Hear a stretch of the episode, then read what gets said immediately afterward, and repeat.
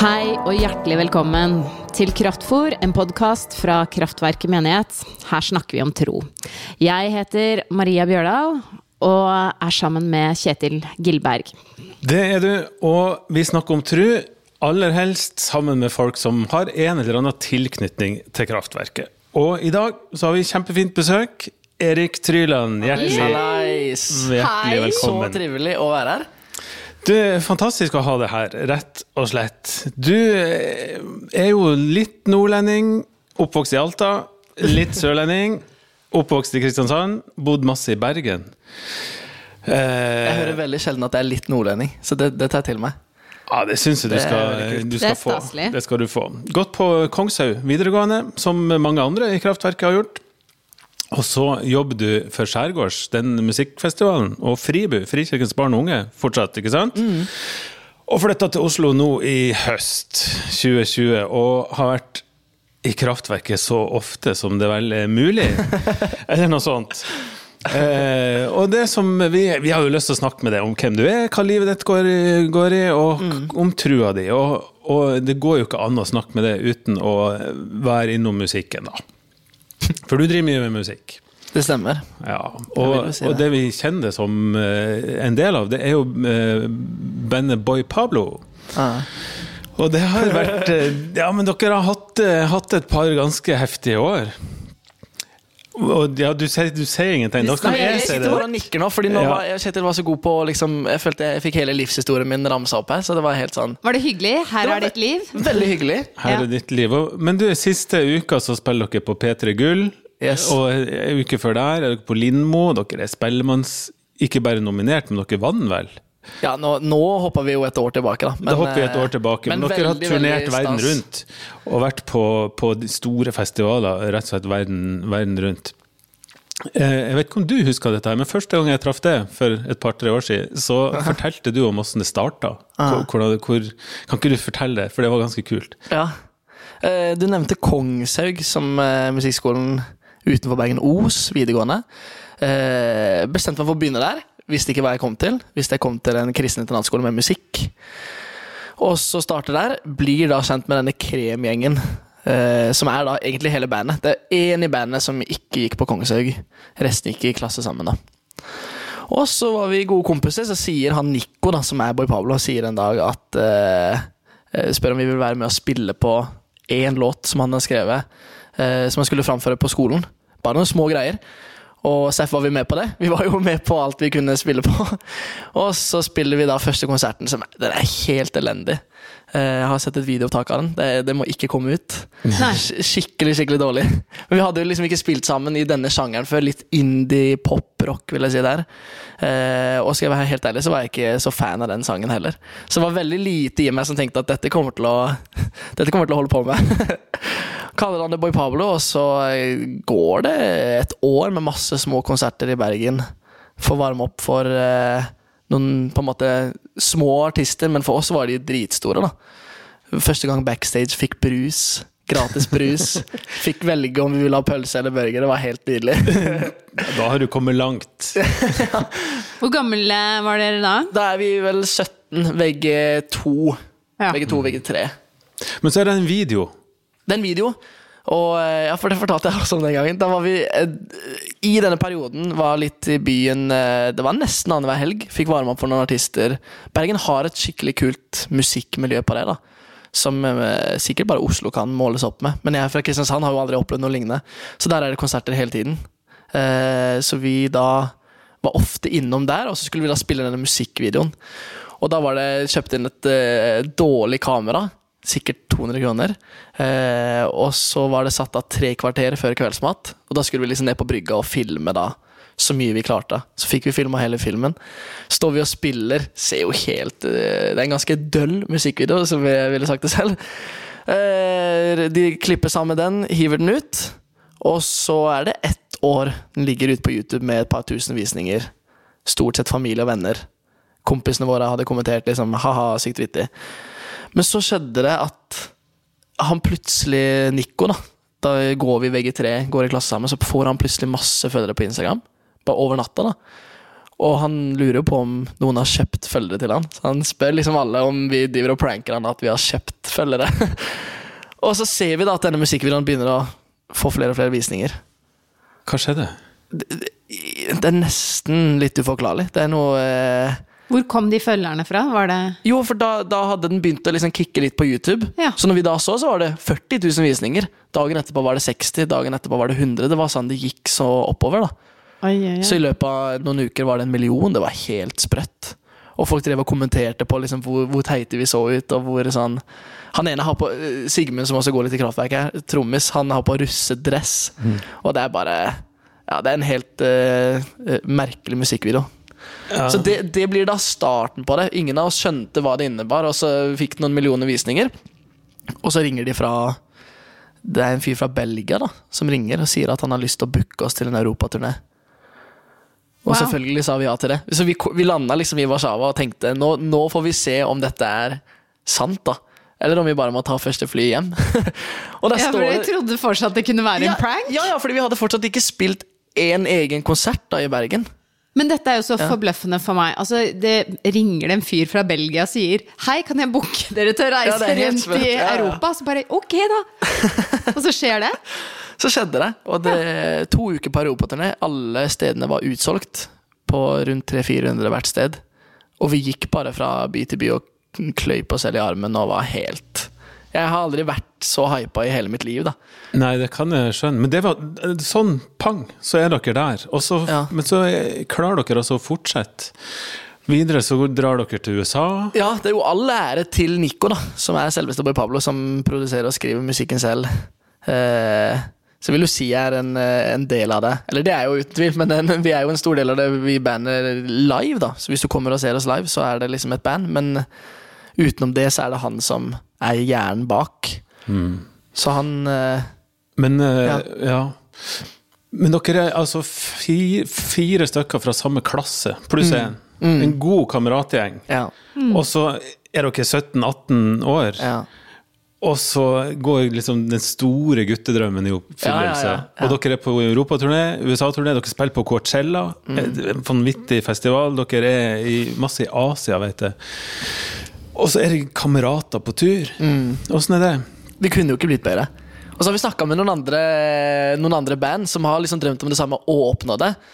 Eh, men så har, eller så har jeg type snakka med en gitarist som, som har vært litt ærlig og sagt sånn Jeg skulle ønske dette var med mine beste venner. da Ja. For det er ikke det samme. Du får reise rundt en måned på tur og Men vi, vi har vært så superheldige på det. da At det er bestekompiser på tur. Fra dag én så har jeg kunnet sagt ifra da at eh, ja, nå må du dempe deg litt, eller nå må du Ja, blir ikke, blir ikke muggen på hverandre, da? At kameratskapet blir for, at det blir for tight?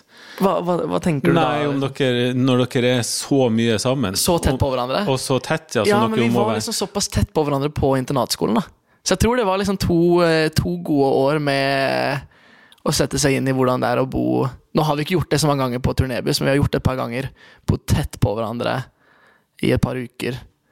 Så det er jo det er jo, det er jo heavy, men hvis du da eh, har den eh, Liksom de beste vennene dine på tur, så du kan bare si tydelig fra. 'Nå har jeg en dårlig dag. Nå har jeg en god dag.' Nå føler jeg meg sånn, sånn. Eller vi, vi merker det på hverandre. Det er jo eh, veldig eh, behagelig.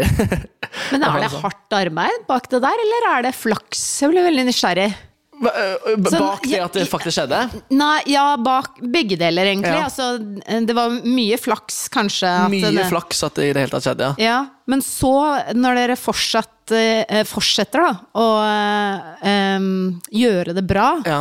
og ender opp på Lindmo, og liksom, nå er dere mer enn dere var da, hva, hva, ligger det mye hardt arbeid bak? Jeg vil jo si at det ligger masse masse hardt arbeid, men så må jeg også eh, tørre å innrømme at jeg er ikke med på det.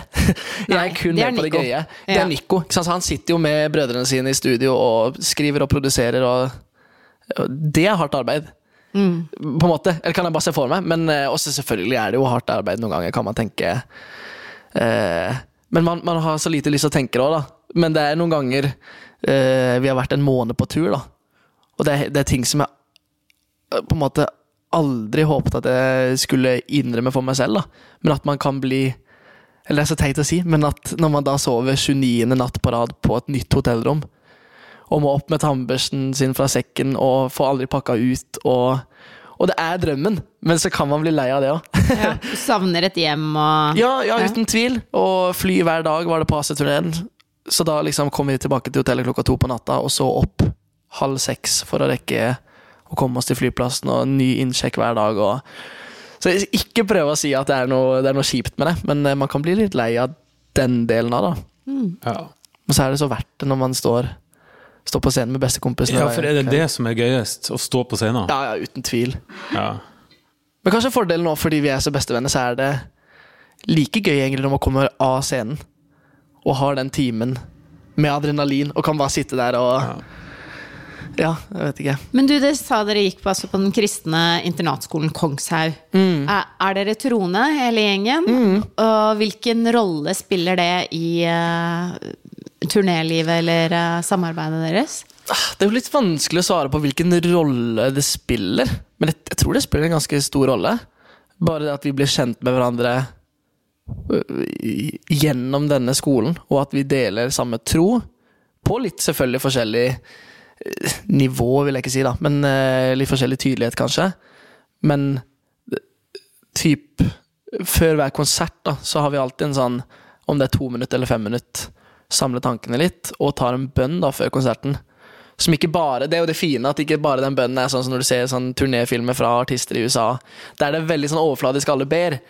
Men så, i norsk kultur så føler jeg det er veldig lite typisk da, å ta en bønn før. Og da er den bønnen som regel, den er sjelden sånn Ja, ber om at det er dritmasse folk, og at alle blir fans av oss, og at vi Ikke sant? Det er mer den derre ja, ber om at alle her har en fin opplevelse, og at vi eh, har det gøy på scenen i dag. Eh, be for lydmannen og lysmannen vår. Eh, de skal på en måte trives i jobben sin. Det, så- det er så fint da, fokus å gjøre rett før konserten begynner. Og så skal jeg ikke skryte på meg at vi gjør så veldig mye mer enn det. Nei, men jeg syns ikke det var så rent lite. Hva, Ja, hva, slags rolle har bønn spilt i livet ditt? Um, mye opp og ned, som folk flest, tror jeg. Eh, men i det store bildet vil jeg jo si at det har spilt en stor rolle. Vokst opp i Det er jo litt av bakgrunnen til den livshistorien du fortalte, Kjetil, ved at eh, jeg har flytta mye. Født og oppvokst i kristent hjem. Faren min har vært pastor i uh, hele mitt liv. Så det har jo kommet litt inn med morsmelka, på en måte. At, uh, at vi ber. Så det har vært veldig naturlig. Jeg har aldri hatt en kamp med Og nå er det veldig unaturlig å be. Så det er veldig heldig, da. Jeg tror ikke jeg hadde hatt det sånn i det hele tatt hvis ikke jeg var født og oppvokst i et kristent hjem. Har du vært kristen hele livet? Ja. Det, det har jeg. Det har du. du har, jeg har jo sett uh, Stalka det litt, da, Erik, og sett på sånn uh, Eriks videoblogg, Ja, det har fått med for eksempel, som uh, Jeg vet ikke hva målgruppa er, hvem målgruppa er der, men du er veldig glad. Og eh, er det veldig Jo, men sant, det er litt sånn Det er tut og kjør, da. Ja, ja, ja. Og, og sånt. Er det sånn med trua di òg, da? At det er liksom enkelt å tro? Det framstår liksom veldig jovialt og, og greit, da. Ja, jeg syns ikke, ikke jeg er så utrolig fake i de filmene. Det er jo Målgruppa eh, er 10 til 12, da. Ja. Jeg har laget noen videoblogger for det med Fribu. Ja. For tweens, da. Så jeg trives veldig med det. Det er liksom den alderen jeg digger best. Spesielt når man skal formidle tro, da. Konfirmanter kan bli litt vanskelig. Det liksom, da må man være kul nok. Og hvis du da starter, hvis førsteinntrykket ditt er at du er teit, som ofte blir mitt, da har man ikke sjans. Men med tween så er det Jeg opplever det liksom litt enklere. Der kan du vinne oftere. Der kan man vinne oftere, der kan du være litt teit. Jeg var nettopp i Kristiansand eh, for et par uker siden og eh, eh, hadde en andakt-type for noen tweens. da. Så da var jeg sånn Oi, nå gjorde jeg masse teite ting som jeg vet at for konfirmanter så hadde de sittet der og himla med øynene. Men her med tweens da, så syns de bare at det er kult. Så det, det er jo en, Da får du litt gratis med det, da. Men, Men- eh, men, ja, eh, så ja, jeg bra. svarer jo ikke på Jo, spørsmålet jo, jo, du visst gjør du vel det, og, og jeg mener virkelig ikke å diste, men jeg, jeg, jeg tenker at um, Eller mener spørsmålet om det er enkelt for deg å tro. Har det vært, og du sier du har vært kristen hele livet. Mm. har det liksom Har du ikke gått i kjelleren og begynt å tvile på disse greiene her og sånt? Det har ikke vært store perioder. Sånn at det, at det på en måte verdt å bringe fram her. Men, men Så fint. Ja, jeg vil si For det. vi har jo hatt så mye tvilere her at vi trenger Jo, men det har vi. Ja, ja, ja, Og, og eh, vi trenger å høre at det å tro kan eh, være naturlig, da. Ja. Og faktisk kan det også være ganske enkelt. Men en ting jeg har tatt eh, Det har jeg tatt veldig med meg hjemmefra.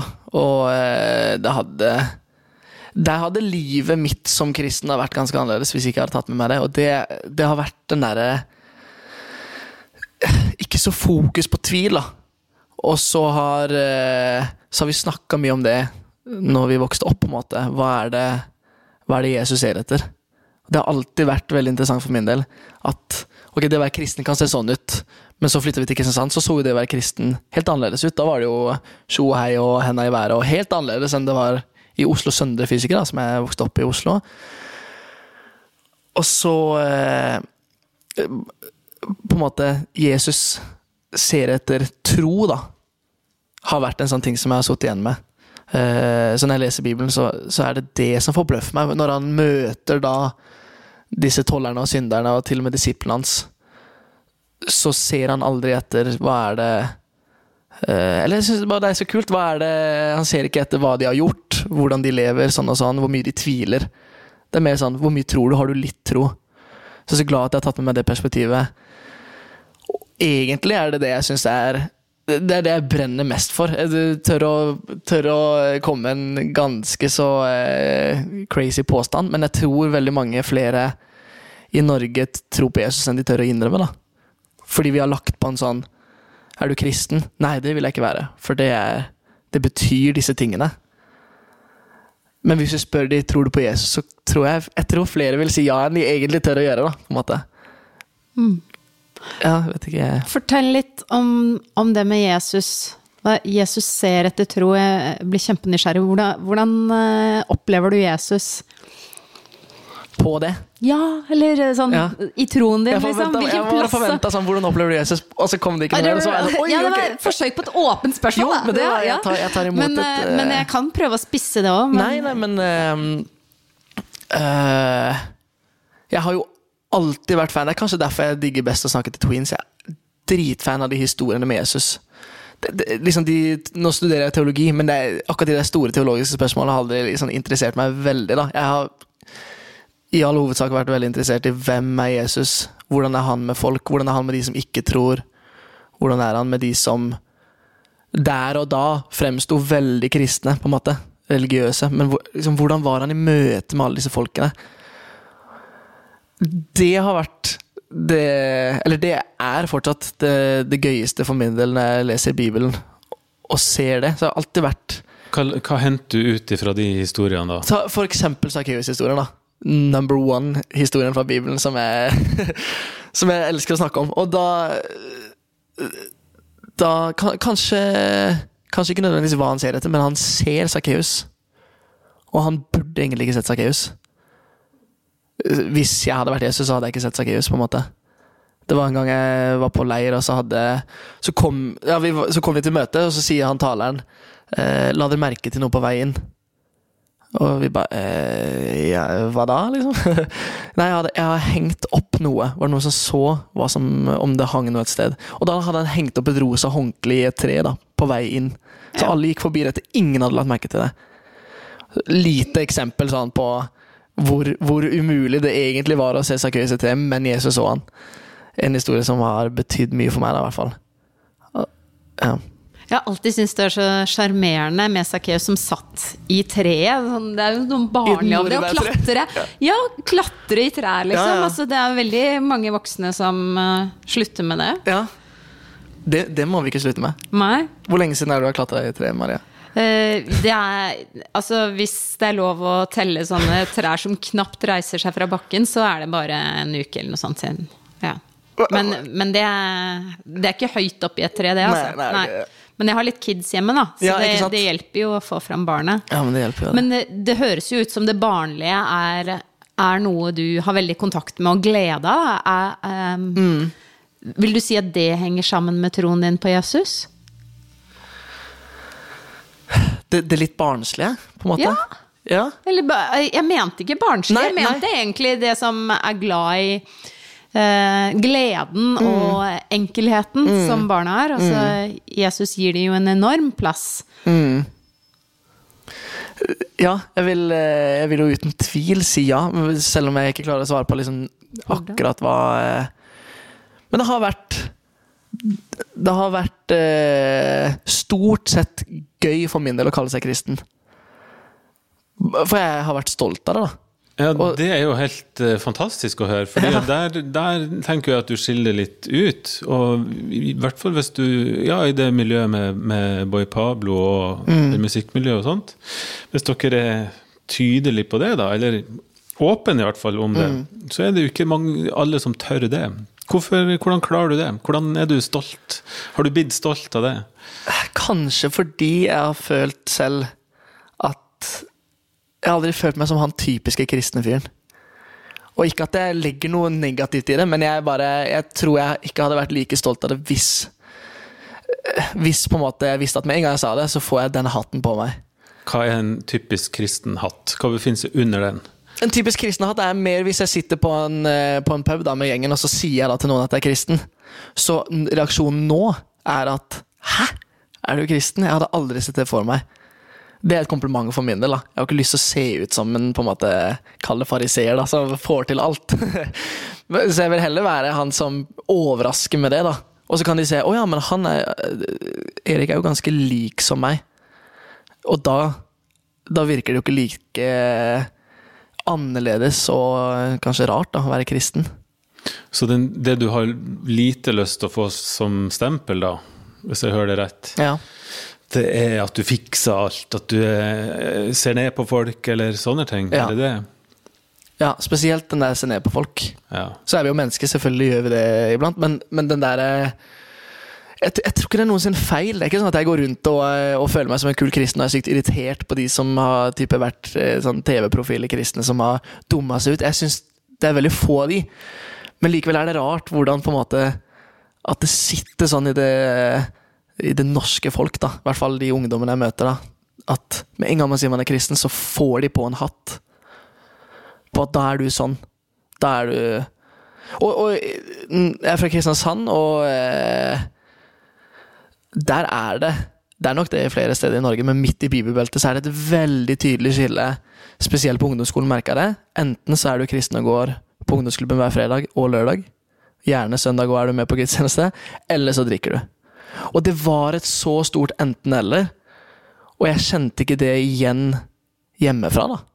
Jeg kjente ikke igjen det med hva, hva det å ha vært kristen har vært for meg, egentlig helt til jeg kom til Kristiansand. Og så var jeg jo litt heldig på det, for jeg bestemte meg bare for å ikke drikke før jeg var 18. Det var mer enn sånn Jeg syns ikke det virka så kult, da. Så jeg var litt heldig. Jeg slapp litt unna den der, og tar veldig stilling til det selv. Men jeg husker jeg var veldig irritert på at en gang noen av de som gikk på ungdomsklubben Tipper det var en, eh, en gammel kompis av meg som vi fikk med i eh, Han begynte å spille i lovsangsbandet. Var ikke kristen, men han likte å spille gitar. Og det var bare det kuleste Det kuleste for meg. At det var måten vi fikk med han på ungdomsklubben. Han syntes det var, begynte å bli kult. Men så begynte han jo selvfølgelig, som alle andre også, å utforske og begynne å drikke. Men da var det flere som bare Å ja, men da kan ikke han være her lenger. I hvert fall ikke i lovsangen. Ikke sant? Og det er, jeg håper jo folk blir sjokkert når de hører det, men det er ganske vanlig i de sammenhengene, da. Uten å prøve å henge ut noen. Men eh, ja. når det er så mange Ja, som så er han ble fortalt at han ikke kunne være med lenger. han, han ble fortalt at, uh, at du, kan ikke, du kan ikke spille lovsangen eh, hvis du drikker. Og det gjorde jo igjen at han bare kutta det ut. og jeg blir, så, jeg blir jo lei meg bare av å snakke om det. Og det, jeg blir jo lei meg av å høre at, at det der var vanlig. Det høres jo litt spess ut, men det, det er ja. det jo helt sikkert ikke. Det er Ja. Nei, Men, og- men dette høres jo ikke ut som du syns er greit. nei, absolutt ikke. Og jeg lurer på når du, når du da på en måte Eller hva Jeg vet ikke hvordan jeg skal stille spørsmålet, men, men eh, din eh, Din vei, da. Derifra, når du opplevde det, den delinga der, hva er veien din videre da? Fortsetter du innafor det kristne miljøet, eller er du på vei ut? Jeg er ikke på vei ut. Egentlig, for, for meg ble det ikke en sånn Jeg møtte ikke veggen på det, men det var mer sånn jeg, jeg tok det alltid med meg hjem. Og så satt, eh, så satt pappa alltid Når jeg kom hjem fra ungdomsklubben, så satt han alltid og så på noe Wallander eller noe sånn krim på TV. så kom jeg hjem i totida, da. Eller hvis jeg kom hjem to, så spurte han sånn Var det ikke noe gøy? Du kom hjem så himla tidlig. Ikke sant? Så hvis jeg da kom hjem halv tre, da, da visste han at da hadde det vært en bra kveld på ungdomsklubben. Og så, eh, så hadde jeg ofte med Det tror jeg er litt litt unikt, kanskje til og med litt nerd, at jeg kom hjem, og da ville jeg snakke med han om det jeg hadde hørt i talen. Eller disse Ja. tingene som hadde Jeg hørte dette. Det, det syns jeg var rart. Og så hadde vi alltid Han var alltid åpen på en prat på det. Og gjorde at jeg fikk liksom landa litt i den derre Ja, men for å, for å kalle seg kristen, så trenger man ikke å passe inn i den gjengen. Og man trenger heller ikke å passe inn i den gjengen. Det er ikke noe sånn derre På en måte Du trenger ikke å passe inn så veldig i noe, men at du vet at du, er, at du tror på Jesus, da. Det er det som handler om å være kristen. Hva reaksjoner får du da, hvis, at du, hvis folk flest oppdager at Erik er jammen kristen? Mye forskjellig. Eh, veldig lite negativt. Jeg, jeg tør nesten si at jeg aldri har fått noe negativt på det å liksom Å, der kommer han der kristne driten. Jeg har aldri hørt noe sånt. Så det er veldig heldig. Så jeg snakker jo fra en veldig sånn Veldig heldig bakgrunn. Sikkert eh, Jeg skjønner jo at folk kan legge vekk litt troen hvis de kun møter motstand. Og, og hva var egentlig spørsmålet? Setter? Nei, og hvilke reaksjoner du får. Ja. ja. Ja. Er det her er det da du oppdager at uh, folk Du tror folk egentlig, eller flere enn vi tror, da, Mm. har en tro på Jesus? Mm. Er det da du oppdager at uh, her er det mer? Når du er der ute? Ja, og så og tilbake litt til det vi snakka om i stad. Eh, det, det er egentlig siste året jeg kan si at jeg har eh, blitt mer trygg på. da. Det at i samtale med hvem som helst, spesielt etter, eh, etter midnatt på byen, spesielt da, for det er da de fine samtalene kommer, syns jeg. Da åpner vi nordmenn oss opp og er imøtekommende. Og da, da Det har skjedd ved flere anledninger at at midt på byen så har jeg bare kjent at nå Nå er jeg on fire for, for deg, Jesus. Eller for da er det sånn Jeg sitter kanskje et sted der veldig mange tror at du ikke er, da. Men, men jeg kjenner at Jesus er midt i det. Og så kan det være noen, uten at jeg har spurt, åpner seg opp litt, da. Sier at de, de var kristne før. Det er en veldig vanlig reaksjon, da. De var kristne før, de er ikke det nå lenger. Og da har jeg alltid lyst til å komme litt til bunns i det. Så jeg er alltid sånn, ok, du får svare på det du vil, men jeg tror fortsatt at du har en tro på Jesus her. Men det å være kristen for deg Du legger til så mye, og vi rundt legger til så mye på deg, sånn at du ikke kan si det med stolthet, på en måte. Så jeg, noen ganger har jeg vært tøff nok til å bare sånn Ja, men vil du Kan du si at du, at du tror på Jesus? Når du ligger helt alene i senga på kvelden. På en måte Tror du da litt på Jesus? Og så de fleste sier ja. Og da er det så utrolig gøy, da. Det er det mest givende i livet mitt nå, da. Det er å bekrefte andres tro. Ikke at jeg kan gjøre det, på en måte, men kan liksom bekrefte det at jeg tror at det er nok for Jesus. Fordi i mitt liv så er det nok. Og det vet jeg. Og jeg tror ikke det er så utrolig mye mer enn du sitter med her nå. Ja. Når du er on fire for Jesus, hva Og du tenker at uh, Liten Ja, ja, her. Når du er on fire for Jesus, hvordan, hvordan kjenner du at Jesus er der? ja, hvordan uh... Du sa det i stad, at du tenker her, nå Ja, er det ja, ja. ingen som tror at Jesus her, kan være liksom. Nå Ja, er nå- du her. Eh, det, for jeg har ikke lyst til å overdrive det til at sånn, å, jeg kjenner meg helt varm i hjertet. Men det er mer at eh, kan, Kanskje beste beskrivelse er sånn Dette er ekte. Nå kjenner jeg det. Nå kjenner jeg med all overbevisning at denne praten liksom det er, det er det jeg lever for. Eller det er det jeg egentlig har lyst til å gjøre hver kveld. og så kommer jo ikke de anledningene så ofte, men når, når det skjer, så er det mer den derre jeg kan si jeg kjenner det på kroppen, da. En sånn derre Ja, men fy søren! Jeg har så lyst til at han bare skal få høre da, at troen hans er god nok. For jeg tror det er det Jesus gikk rundt og brydde seg mest om å si til folk. Eller det er det jeg leser i de bibelske historiene. på en måte. Møter hun eh, dama med brønnen, Og hun vet at hun suger, hun vet at hun ikke får til livet, liksom. Og så kan han bare på en måte Jo, men det, du er god nok! det syns jeg er så fint. Så det å kunne ta litt del i det oppdaget når man plutselig sitter på byen og kan si til folk det, da. Skulle jeg gjerne ønske det skjedde mye, mye mer. Men de få gangene det har skjedd, så har det vært veldig, veldig givende. Ja. Ja, det er veldig fint å høre om. Det er et veldig dypt engasjement, hører jeg på deg. Vil du si at dette her er liksom det viktigste i livet ditt? Er det dette du Ja, jeg, vil- jeg vil faktisk si det. det. Det er jeg ganske trygg på nå. Det, hvis du hadde spurt meg for eh, bare et år siden, så tror jeg jeg hadde vært litt sånn Ja, det viktigste Men, men nå merker jeg liksom at i det jeg, jeg har så utrolig lite lyst til å være pushy også, da. Så i samtaler med folk så er det veldig sånn Jeg har så lite lyst til å bli han der masete fyren som skal prøve å få deg til å si noe du ikke vil si, eller snakke om noe. Men med en gang den muligheten åpnes, da, så har jeg lyst til å være første til å ta den, på en måte. For, ja. Ja. Så det er, det er øh, veldig viktig. Men jeg tror hvis du, hvis du hadde sett øh, med skjult kamera på en måte siste uka mi eller siste måneden, så hadde du ikke tenkt dette er det viktigste for Erik. Nei, hva hadde jeg sett da? Nei, da hadde, nei, jeg vet ikke. Du hadde ikke sett en fyr som ligger i fosterstilling og ber hver dag, ikke sant? Nei, jeg tenker på den fyren som sitter i samtale og, med folk og prater med folk, og så dirrer det litt, liksom. At det, fordi du, du Det høres ut som du eh, søker eh, kontakt med mennesker og Gud samtidig, da. Ja. I samtale. Ja, ja men, og det gjør jeg virkelig, men så hadde jeg bare ikke lyst til at det skulle virke sånn at det, Og derfor sitter du i er hver prat jeg har. Ja, sånn, ja. Fordi, jeg, men jeg skulle gjerne ønske det. Egentlig for, for begges del av den jeg snakker med, også, at liksom, det er jo dette som er viktig. Og, for kjenner det sånn når man kommer inn i de samtalene, men jeg tror ikke man kommer inn i de samtalene hvis ikke man øh, tør å bare vente på den muligheten.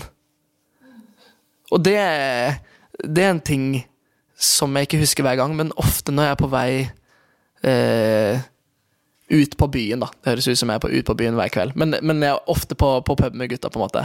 Og da er ofte en bønn på vei dit at sånn ah, Jeg ber om at det åpnes opp en samtale, eller åpnes opp en mulighet til å Helt naturlig, uten å være, være pushy, men med noen her som kan være åpen for det.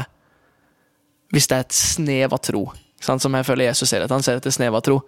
Så er det sånn, hvis, hvis det er noen her som har et snev av tro, og ikke har hatt en samtale på lenge, så ber jeg om at at eh, jeg får muligheten til å ta den, da. Og så skjer det ikke alltid. det, er, det, det kanskje det jeg mente med siste uka. Ja, men du går ikke Så- rundt og er så skuffa heller hvis det ikke skjer. Det høres ut som du må se på det mer som en gave når det kommer, eller? Eh, Jo, det vil jeg si, men eh, jeg har vært litt skuffa over det på, eh, på turné, da, for eksempel. ja. Så har vi vært én måned på turné, vi har møtt nye folk hver eneste dag. Der er det en jente som jobber eh, på, på det konsertstedet, der er det et band vi snakker med, der er det sånn og sånn og sånn. Og så kan jeg se tilbake på den måneden at ah, dette har vært en måned der jeg liksom Jeg har prøvd å være den kuleste utgaven av meg selv. Jeg har prøvd å bare snakke om kule ting. Jeg har ikke orka den praten. Jeg har ikke, på en måte, og så tror jeg ikke vi skal bruke så mye tid på å være skuffa over det. Men jeg kan nok si også at eh, som regel i livet skulle jeg ønske jeg hadde flere sånne prater. Ja. Du høres ut som en god gammeldags evangelist, Erik. Jo, men det er noe med den, det engasjementet og den, den on fire-greia der, da, som er, som er veldig fin. At behov, et ønske om å dele, del videre. Det, er jo, eh, det er jo sånn evangelister driver. Og har drevet, i alle, og har drevet i alle år. Du har, du har jo kommet til Oslo i høst. Yes. Og det er to ting som har fascinert meg. Eh, Det ene er at du som sagt har vært i kraftverket så ofte som det har vært mulig. Og det å bare bestemme seg Når folk i din situasjon kommer til Oslo, så skal de jo gjerne de skal nå hit, og de skal dit, og de skal til Storsalen, og de skal til Subchurch, og så skal de ende opp i Philadelphia til slutt. Hva, er det de, hva er det de kaller det? Kaller de det kirkesafari? Nei, det er noe sånn alle de gamle surfing, er ikke det? Kirkesurfing, Kirke- ja. det er det. Shopping, ja. Ja, shopping. Jeg drar på shoppingtur. Og så, eh, og så kommer du til byen, og du, du har bestemt det før du lander på Gardermoen at eh, du skal være i kraftverket. Det er veldig uvanlig. Hvordan eh, Ja, si noe om det. Hvorfor, hvordan kom du på det valget der? Akkurat kraft Kraftverket er jo det er ganske tilfeldig, men vi møttes for et par år siden og fikk en prat. Så da var jeg sånn Ja. Eh, Eller for meg, da, så var det sånn Kjetil er jo the man. Jeg må jo, Oh, yes. eh, må jo i hvert fall stikke innom menigheten og, eh, og se om det stemmer med det bildet jeg fikk. For jeg fikk et sånt bilde av Kraftverket at det er et sted der man bare Der, der kan man senke skuldrene. Og det opplever jeg, da. Og det er veldig digg. Ikke nødvendigvis bare for min egen del. Fordi eh, kanskje de som hører på, tenker at han trenger jo ikke å bare senke skuldrene. Han kan jo Jeg kan bli sendt inn til ganske mange menigheter og trives. men men eh, nå, spesielt i Oslo, har det vært veldig viktig å prøve å For jeg har vært så Eller jeg merka selv at jeg har vært så dårlig på det. Jeg har lyst til å bli bedre på å invitere med folk til menigheten. Da vil jeg heller gå i en, i en kirke som, som er litt i lave skuldrene. Som ikke bare er sånn Det er kun det stedet som er Alt er perfekt for min del. Uh, det, gir, det gir meg masse påfyll, sånn og sånn, og sånn men litt mer sånn her er, det, her er det enkelt å ta med folk som ikke har vært i kirka kanskje før i det hele tatt.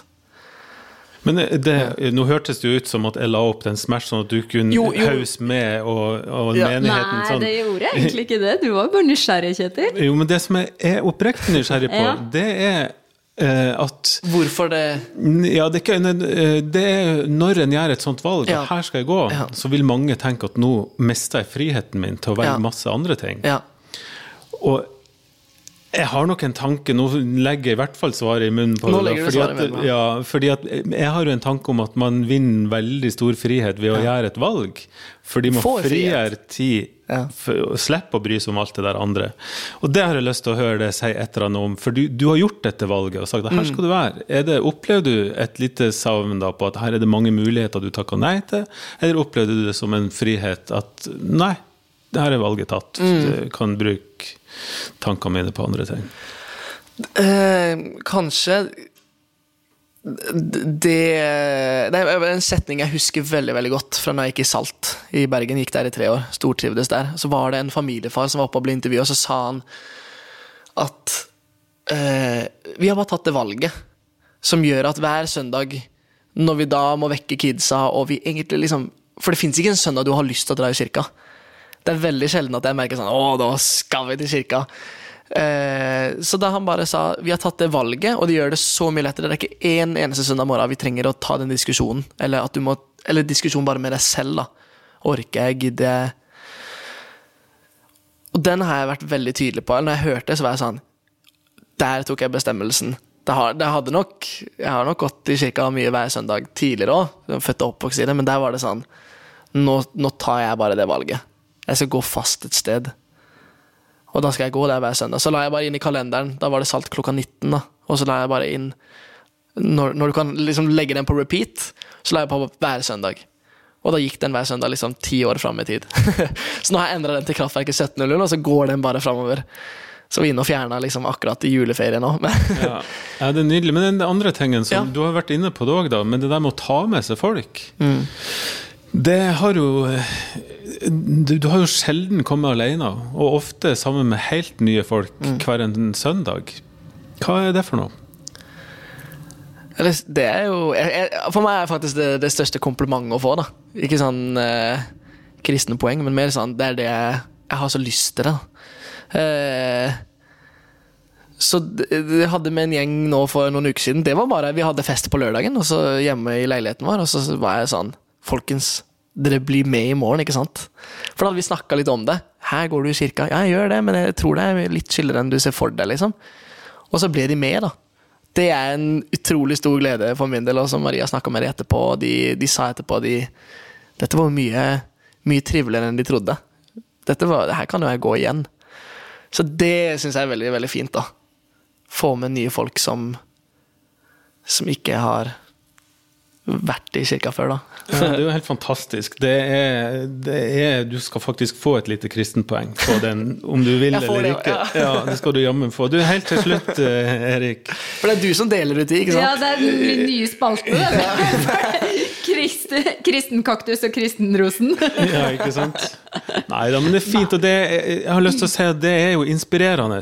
Det er fint å se, rett og slett. Eh, eh, enkelt og greit. Det er fint å se trua di, det er fint å se at det har veldig klare praktiske konsekvenser. Det er helt nydelig. Og så lurer jeg på til slutt, da, om du hva er framtida for Erik Tryland? Eh, Blir du musiker, eller blir du evangelist?